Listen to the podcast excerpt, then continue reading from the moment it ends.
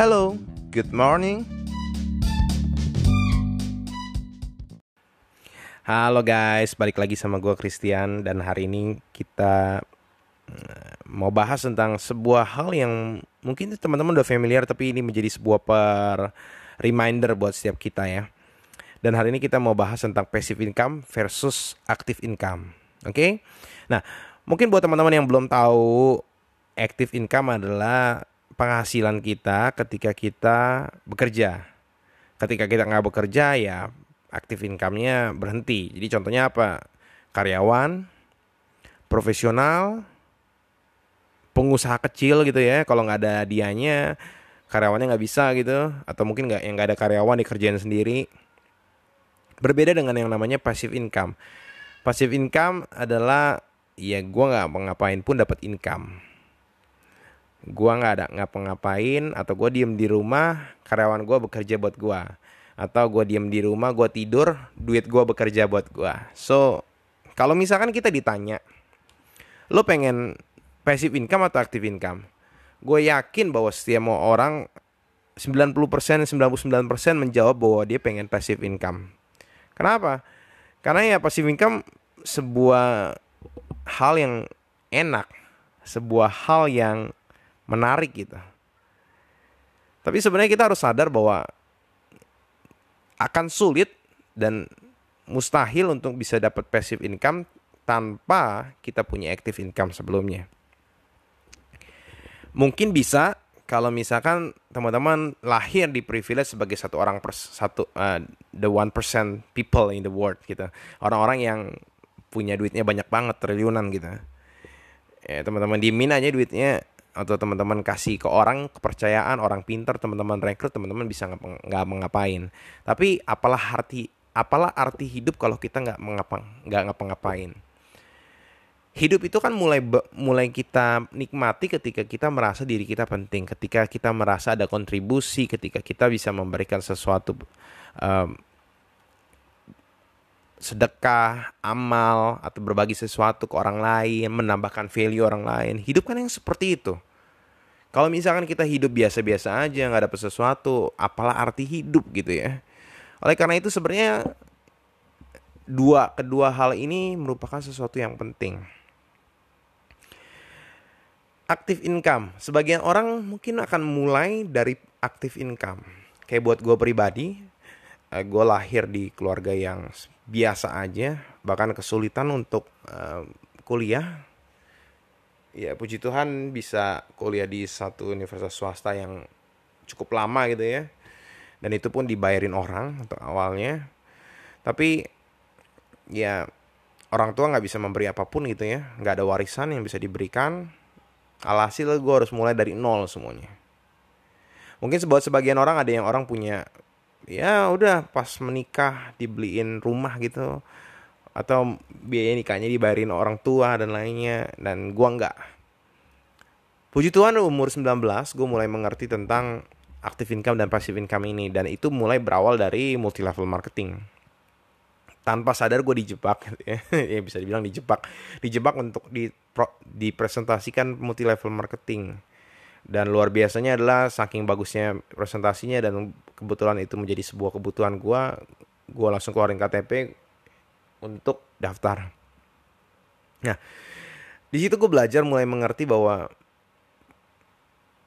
gue harus membangun aset untuk mendapatkan passive income. Bukan cuman mengandalkan kekuatan gue memang karir itu akan terus naik kalau kita outstanding ya kalau kita perform, kalau kita nggak perform ya karirnya gitu-gitu aja. Tapi ketika karir kita makin naik, waktu itu gue kerja di bank, gue punya bos gitu ya. Perkiraan gue sih mungkin gajinya 40-an juta gitu, tapi ya sibuk gitu. Di atasnya lagi ada direktur, gajinya mungkin ratusan kali ya, dan jauh lebih sibuk lagi. Di atasnya lagi mungkin ada direktur yang lain gajinya 200-an tapi lebih sibuk lagi. So, apakah itu yang gua mau cari? Gaji dengan besar, gaji yang besar dengan waktu yang makin sedikit buat gue pribadi bukan deh. Itu bukan sebuah hal yang gue pengen cari. jujur buat kerja uh, gue lakukan itu sebagai kewajiban bukan sebuah aktivitas meskipun itu hal yang salah ya gue lagi merubah hal tersebut sih ya gue bekerja kenapa karena gue pengen duit. Tapi kalau teman-teman tanya sama orang-orang yang lain yang berpenghasilannya banyak mereka kerja buat apa ya? Buat dapat pengalaman dapat yang lainnya. Karena kenapa? Orang tuanya pun sudah siap sudah cukup membayari sampai berapa turunan ke bawah gitu. Kebetulan gue punya teman waktu itu kerja di bank. Bahkan gajinya dia aja nggak cukup buat ngurusin skincare-nya dia. Gajinya dia aja nggak cukup buat jajannya dia jangankan jajan makan transport dan lainnya itu kan keluar. Bahkan ada yang kerjanya gajinya aja buat bayarin bensin mobilnya nggak cukup gitu ya. so ada banyak banyak banyak motivasi dari setiap orang untuk bekerja. Tapi buat gue pribadi kerja gue adalah menghasilin duit. Bukan hal-hal yang lainnya. Nah dari menghasilkan duit itu gue berusaha untuk meningkatkan pendapatan dengan outstanding gitu. Dengan bekerja, dengan perform, mendapatkan pendapatan dari pendapatan tersebut, gue bisa menyisikan sebagian besar untuk di saving. Di saving gue belajar investasi, gue belajar instrumen-instrumen yang lain untuk diinvestasi. Nah, gue berharap bahwa di beberapa tahun ke depan gajinya nambah, jabatan makin tinggi, tanggung jawab lebih baik. Itu sih udah pasti sih. Cuman masalahnya adalah agak sulit untuk melihat kurva ketika makin gaji makin tinggi, jabatan makin tinggi, waktunya makin banyak. Itu susah sekali dan jarang. Banyak perusahaan MLM, asuransi dan lainnya mengatakan bahwa ah, ini di sini bisa menghasilkan lo bisa passive income. Jujur aja buat gue pribadi kalau perusahaan asuransi dan lainnya untuk orang-orang yang awal memungkinkan. Tapi bahkan gue melihat ada orang yang ya gajinya banyak sampai saat ini bonusnya dan lainnya tetap kerja tuh. Ya di luar dari apa pun itu mungkin dia senang atau apa pun itu tapi dia tetap kerja tetap presentasi tetap nyari klien dan lainnya tetap kerja sampai saat ini. Yang katanya bilang mau passive income ternyata nggak passive passive income tuh.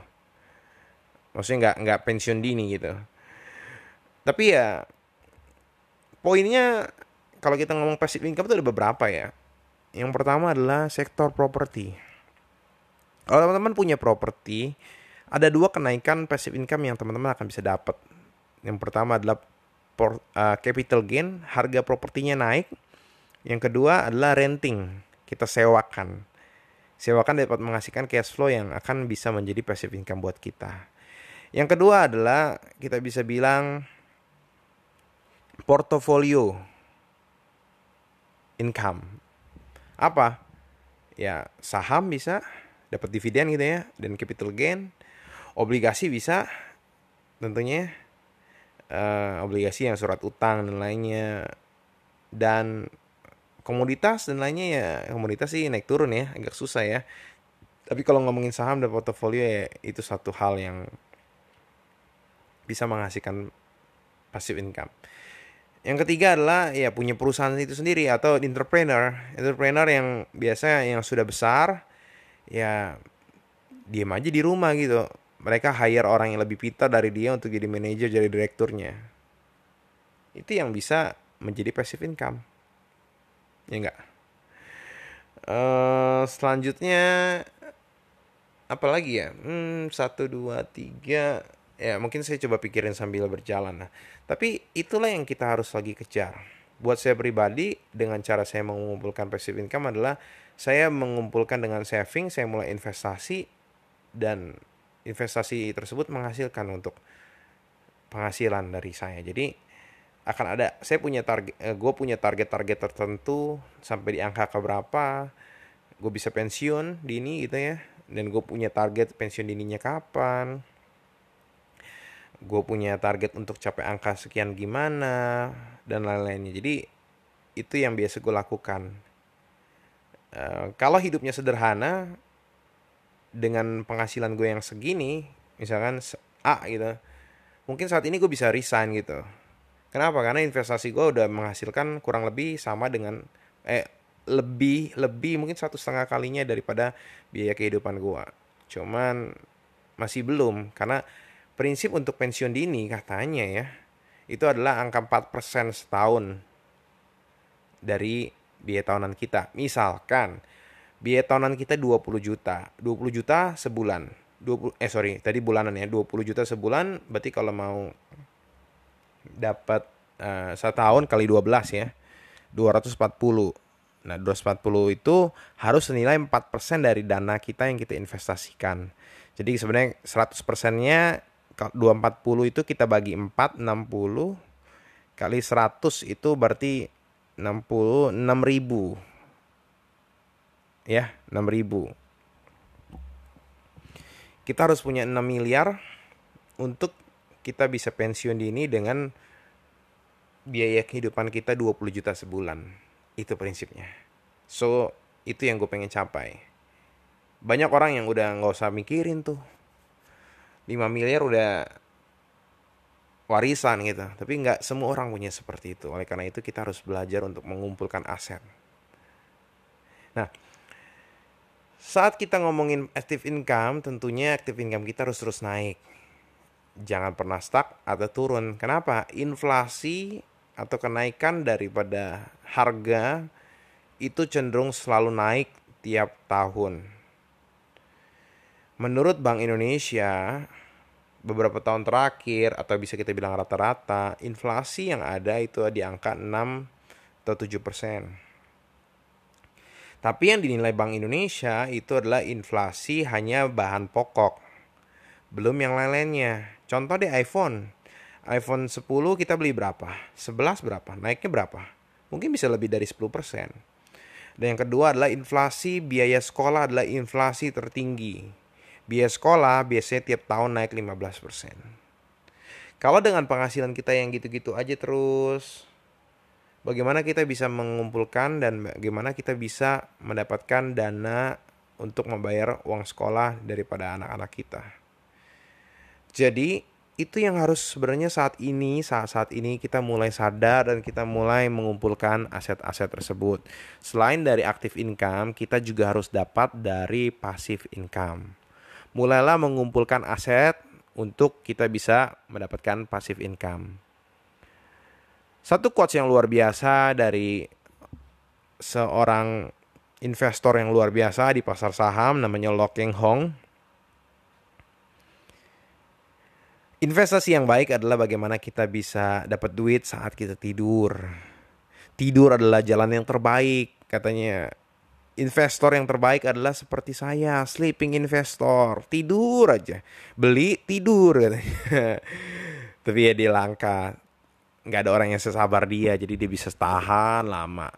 Ya memang kalau kita lihat track recordnya, Keng Hong itu hidupnya sederhana kerja di tata usaha 10 tahun baru bisa naik jadi kepala cabang juga karena ada krisis eh karena ada momen-momen khusus resign dan fokus di saham dapat gain saham sampai 23 kali lipat dan lain-lainnya wah banyak banget deh tapi di luar daripada apa pun itu itulah yang kita harus punya passive income dan active income.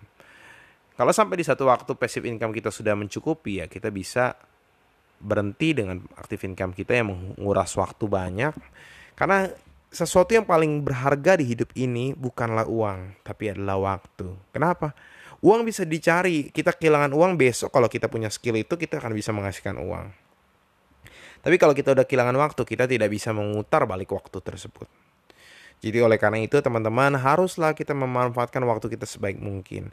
Kalau kita saat ini saat kita masih muda, mulailah kita mengumpulkan aset kita. Janganlah setiap penghasilan kita habis, janganlah setiap penghasilan kita habis. Apalagi kita menghabiskan dengan hutang, membeli barang-barang yang sebenarnya bukan buat keinginan kita, hanya buat membuat orang admire sama kita. Kalau itu yang terjadi, kasihan banget sih lo. Kasihan banget. Mungkin kita merasa bahwa kita kita hebat, wah barangnya baru semua. 10 tahun lagi lu akan melihat perbedaan antara orang-orang yang sudah punya financial literasi yang luar biasa, yang sukses, yang punya banyak uang. Karena dia melakukan penghematan gitu ya, bukan penghematan juga sih, melakukan investasi sejak dia muda, mengumpulkan bersusah payah. Ada orang bilang katanya kita harus menghabiskan jatah gagal kita sejak muda. Ya bisa dibilang seperti itu juga, gue setuju juga. Jadi kita harus belajar bahwa passive income dan active income adalah sesuatu yang penting dan kita harus mengumpulkan passive income dengan cara memberikan aset, mengumpulkan aset dan aset itu menghasilkan untuk kita. Ketika itu terjadi, kita dapat pensiun dini dengan tenang. Kita bisa menghabiskan banyak waktu dengan anak-anak kita, berlibur, melakukan aktivitas yang kita suka, yang kita mau, tidak menjadi suatu kewajiban di mana kita harus mengerjakan sesuatu dengan suka nggak suka mau nggak mau harus dikerjain. Kenapa? Bos, bos sebut apa ya kita harus ikutin. Itu sih. So itu aja teman-teman. Mari kita tingkatkan penghasilan kita dengan active income. Di samping itu mengumpulkan benih-benih untuk bisa mengumpulkan aset dan aset itu menghasilkan passive income buat kita. Sukses selalu buat setiap kita. Goodbye and God bless you. Bye bye.